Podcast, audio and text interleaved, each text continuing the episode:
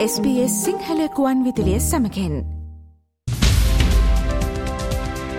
මවබිමින් පුවත් ඔස්ට්‍රේලියාවේ අද උදැස්ස නවද විට ශ්‍ර ලංකාවෙන් වාර්තාාවන ප්‍රධානතම පුවත් කිහිපය මෙන්න.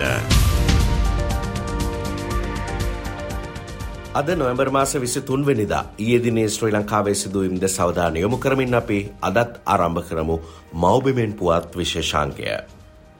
ඊයේ දවසේ පාර්ලිමේන්තුවේදී දෙදස් විසි හතර වසර සඳහා වන කාර්ක සභහ අවස්ථා විවාදේ අයවැ සම්බන්ධයෙන් වන කාර්ක සභාවස්ථා විවාදයේ ආරම්භය සිද්ධ වුණා.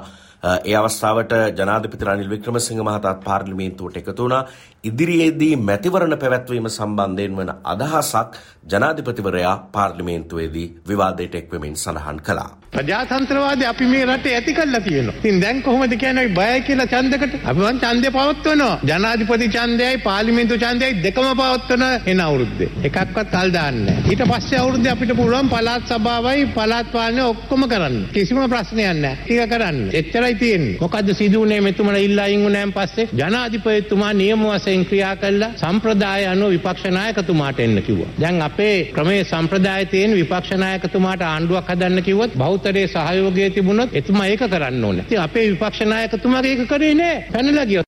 බලය ලබා ගන්න අවස්ථාව තිබියදීත් ඒ සඳහා ඉඩකඩ සූදානම්ව තිබියදීත් ඒ වෙනුවෙන් විපක්ෂනායකවරයා ඉදිරිපත් නොවීම සම්බන්ධයෙන් ජනාධිපතිවරයා ඉදිරිපත් කරපු චෝදනාවට සජිත් ප්‍රේමදාස විපක්ෂනායකවරයා ඊයේ දවසේ පාර්ලිමේන්තුවේදී පිළිතුරු ලබා දුන්නා. තමුන්නාන්සට අපිට ඇඟිල්ල දික් කරලා කියන්න බෑ වගකීම් වලින් පැහැර හැරියයි කියලා. අපි වගකීම් බාර ගන්න සූදානම්. තියන්න මැතිවරණ. තියන්න පළාත් පාලන මැතිවරණ. දෙන්න ලක්ෂ 220ට ජනවරම පාවිච්චි කරන්න අයිතිය. ජනවරම උරගා බලන්න. උරගා බලලා වරමින් අපි ඕනම වගකීමක් බාර ගන්න ලෑස්ති කියන එක කියන්න කැමති. පෙරේද දවස ශ්‍රී ලංකාවේ පාර්ලිමේන්තුවේ දෙදස් වෙසි හතර සඳහා වන අයවැය චන්ද විමසීම පැවැත්වුණු දිනය. එහිදී විපක්ෂනායකවරයා පලකරපු අදහසක් විශේෂෙන්ම ලංකාවේ ආර්ථික බංකොලොත්භාවයට වගහෙවයුතුයි කියලා අධිකරණයෙන් ලබාදුන්නු නඩු තීන්දුවෙන් ඇඟිල්ල දිකුණු දේශපාලනඥයින් පිළිබඳව සජිත් ප්‍රේමදාස විපක්ෂ නායකවරයා පාර්ලිමේන්තුවේදී ප්‍රකාශයක් කරමින් ඉන්න අතරතුර ආණ්ඩු පක්ෂයේ මන්ත්‍රීවරු සජිත් ප්‍රේමදාස විපක්ෂ නායකවරයා ළඟට ඇවිල්ලා ඔහු කතාව ඉදිරිපත් කිරීමට බාධා කරා විරෝධය දැක්වුවා ඒ ස්ථානයට ඇවිල්ලා ඔවුන් විවිධ කතා කියන්න පටන් ගත්තා. ඒ ස්ථානයේ හිටපු සනත් නිශාන්ත පාර්ලිමේන්තු මන්ත්‍රීවරයා මන්ත්‍රම් රාජ්‍ය අමාත්‍යවරයා සජිත් ප්‍රේමදාස මහතා කතාව කරමින් හිටපු කොලය ඒ කියන්නේ අදාළ තොරතුරු ඇතුළත් ලේඛනය උදුරගත්තා. ඉතින් මේ අවස්ථාවට දැඩි විරෝධයක් පාර්ලිමේන්තුව තුළත් විපක්ෂ කණ්ඩායම තුළත් එල්ල වුණා. ඊට පසුවත් අපි ඊයේ දිනේත් දැක්කා දේශපාලන පක්ෂ පවා නිවේදන නිකුත් කරනවා විපක්ෂ නායකවරයාට කතා කරන්න බාධා කිරීම පිළිබඳව Tamanගේ නොසතුට පළ කරනවා කියලා මේ ක්‍රියාකාරකම සම්බන්ධයෙන් ඊයේ දවසේදී කතානායකවරයා පාර්ලිමේන්තුවේදී Tamanගේ අදහස ඉදිරිපත් කළා.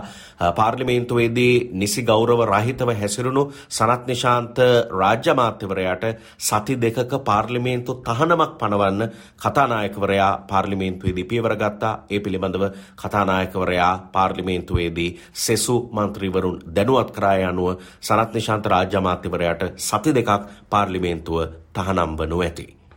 තවමත් ක්‍රිකට් ශ්‍රී ලංකාවේදී නොවිසඳුණු ප්‍රශ්නයක් ක්‍රීඩා අමාත්‍යවරයා මේ ක්‍රිකට් අර්බුදය සම්බන්ධයෙන් එහෙම නැත්නම් අතුරු කමිටුවක් පත් කරමින් ගත උත්සාහය සම්බන්ධයෙන් එහි ඇතැම් වෙලාවට පළ විපාක වෙන්න පුළුවන් ඒ පිළිබඳවත් අවධානය යොමු වුණා ඊයේ දවසේ පාර්ලිමේන්තුවේදී ජනාධිපතිවරයා ඒ සම්බන්ධයෙන් මෙවැනි අදහසක් පළ කළා. මෙතන උනේ මේ අය යනකොට 10 මාදයි. ඒක නඩුව ඉවරයි. ඒක හොයාගන්න ඕන මොකද්ද සිදුුනේ කියලා. මම එතුමාගේ වාර්තාවක් ඉල්ලන්න ඉන්නේ ඒ පිළිබඳ. ඒත් ඇත්ත වශයෙන්ම බාගලට එතෙන්ට ගියා නම් මම දන්න කොයි තීරණයක් දෙයිද කියලා කොහොමවත් මෙහෙම අවස්ථාවක උසාවියෙන් යම් කිසි තීන්දුවක් දෙන්න මැච් එකක් තියෙන කාලේ. ඒ අනුව ඉතින් උසාවිය තියෙනක తాවකාලිකව තහනම් නියෝගය දෙන්න. එච්චරයි සිදු වෙලා තියෙන්නේ. දැන් තහනම් නියෝගයේ වළංගුද නැද්ද කියන එක අපි දන්නේ මේක අවසන් වුණාම. එතකන් අපිට මේක නැහැ. ඉතින් ඒ අවස්ථාවේදී නම කතා කරා ජේෂාට කතා කරා. මෙහාටත් පණිවිඩ එව්වා ICC එකට. ඉතින් ICC දැන් කියන්නේ මේ தත්ත්වය මේකයි. ඔයගොල්ලෝ දේශපාලනය ගෙනල්ලා මේකට මැදිහත් වුණා. ඉතින් ඒක මං හිතන්නේ මට මේ ශමීසිල්ල ආරක්ෂා කරන්න වැඩක් නැහැ. ඒගොල්ලෝ විරුද්ධ චෝදනා තියෙනවා. ඒකයි කියන්නේ අපිට නීතියක් ගේන්න ඕනේ කියලා. මේගොල්ලෝ මේක මැදිහත් වුණා කියලා. අපිට විරුද්ධව චෝදනා දෙකක් තියෙනවා. එකක් තමයි මේ සභාව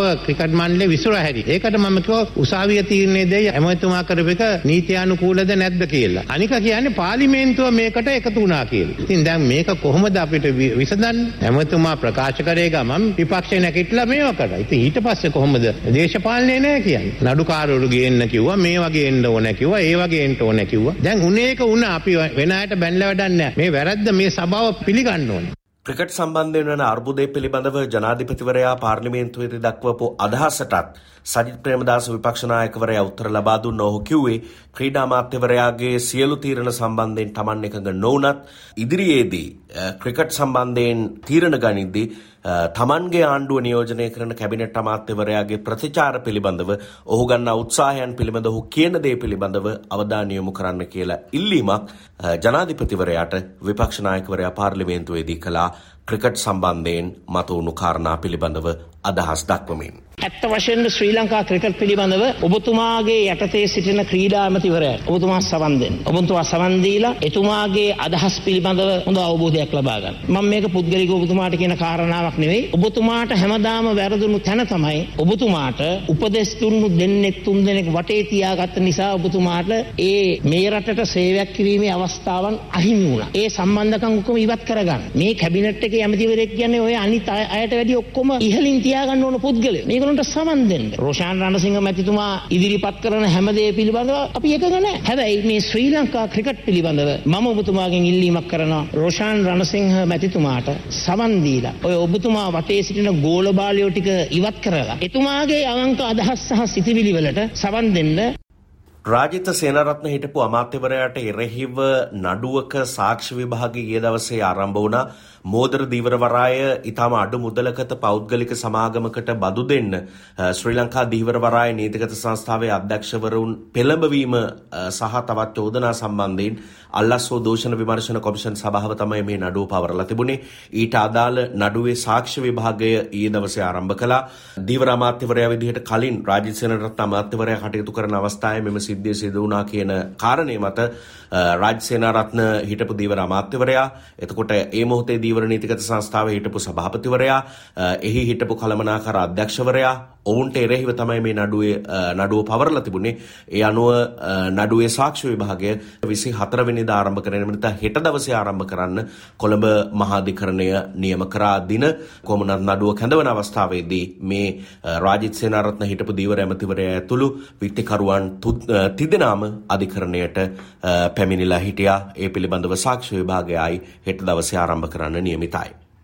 ජාත්‍යන්තර මුල්ල අරමුදල ඉදිරිපත් කරපු යෝජනාව මත ශ්‍රී ලංකාවේ ණය ප්‍රශස්තකරණ වැඩසටහන වෙනුවෙන් ශ්‍රී ලංකාවත් චීනය එක්සීම් බැංකුවත් අතර ඇති කරගෙන තිබෙන එකඟතාව ශ්‍රී ලංකාවේ බාහිර ණය ප්‍රතිව්‍යුහගතකරණය සඳහා යහපත් ඉදිරි පියවරක් කියලා IMF එක ඊයේ සඳහන් කරලා තිබුණා.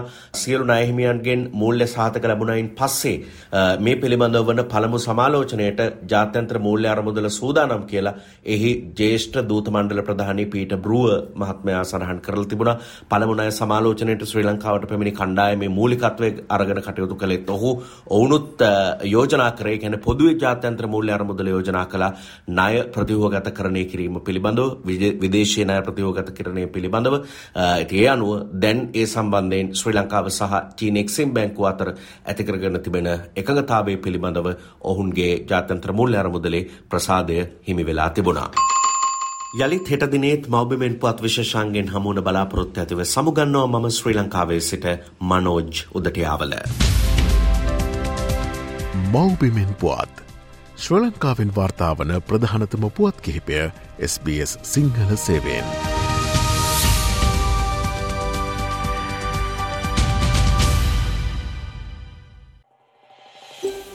මේ වගේ තවත්තොරතුරු දැනගන්න කැමතිද.